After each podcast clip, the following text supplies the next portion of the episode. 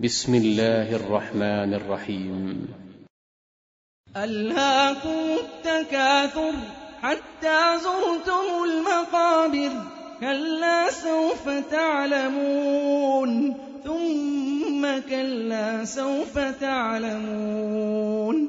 كلا لو تعلمون علم اليقين لترون الجحيم. ثم لها عين اليقين ثم لتسألن يومئذ عن النعيم.